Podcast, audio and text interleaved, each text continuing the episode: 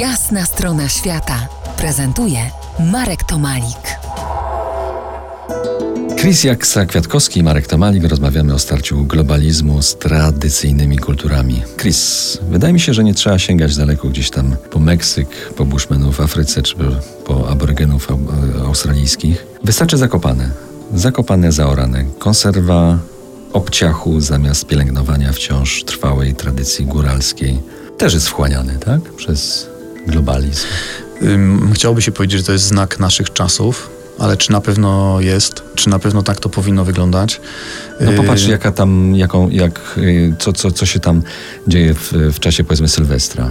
Jest to rzecz zdumiewająca, ale tak samo nasuwająca wiele... Ja wiele... wiem, czy zdumiewająca, to już, to już się staje, że tak powiem, regułą. Mhm. My to tak sobie tutaj kwestionujemy trochę. W tamtym roku, zresztą wspomniałem podczas y, poprzednich wejść na antenę, że, że zobaczmy, co się dzieje w, z Barceloną, czy z Wenecją, y, czy z Florencją. W tamtym roku miałem okazję akurat być we Włoszech i widziałem to straszne zjawisko, bo jest, jest ono straszne. Wyobraźcie sobie Państwo, że mieszkacie e, w miejscu, które jest po prostu zadeptane przez, e, przez e, turystów i komercyjnych i wielkie grupy. No i to się właśnie dzieje w tej chwili w Zakopanem. Zakopane w zasadzie dzisiaj zostało wchłonięte przez ten proces rozwoju turystyki wielowymiarowo, wieloaspektowo. No zasadzie... właśnie, bo jest między innymi w czołówce miast, i to znalazłem gdzieś w internecie, tracących funkcje społeczno-gospodarcze. No tak, przyjrzyjmy się temu. To jest potężny moloch, owszem, atrakcyjny dla wielu ludzi, którzy chcą przebywać wśród podobnych y, sobie turystów. Natomiast no, jest to absolutnie degradujące i wchłaniające wcześniejsze y, walory y, turystyczne miejsce, prawda? Kiedyś jeździło się na Podhale czy Zakopanego po to, żeby chłonąć tą tradycję i miejscową kulturę. No dzisiaj czy, czy można chociaż elementy tej kultury spotkać? Myślę, że sobie na to pytanie wszyscy odpowiemy, ale na samo zakończenie ja chcę jeszcze, żebyśmy się zastanowili, a dlaczego by ich nie zaorać, te kultury pierwotne? Co my z nich możemy w ogóle mieć? O co my się w ogóle tutaj, że tak powiem, czepiamy, bijemy? To chyba jest zasadnicze, zasadnicze pytanie. Czy trzeba sobie nie tylko zadać, zadać pytanie, tylko myślę, że tutaj odpowiedź jakby jest już bardzo klarowna, że my od tamtych kultur, tych tradycyjnie żyjących, możemy się bardzo wiele uczyć. Bardzo wiele.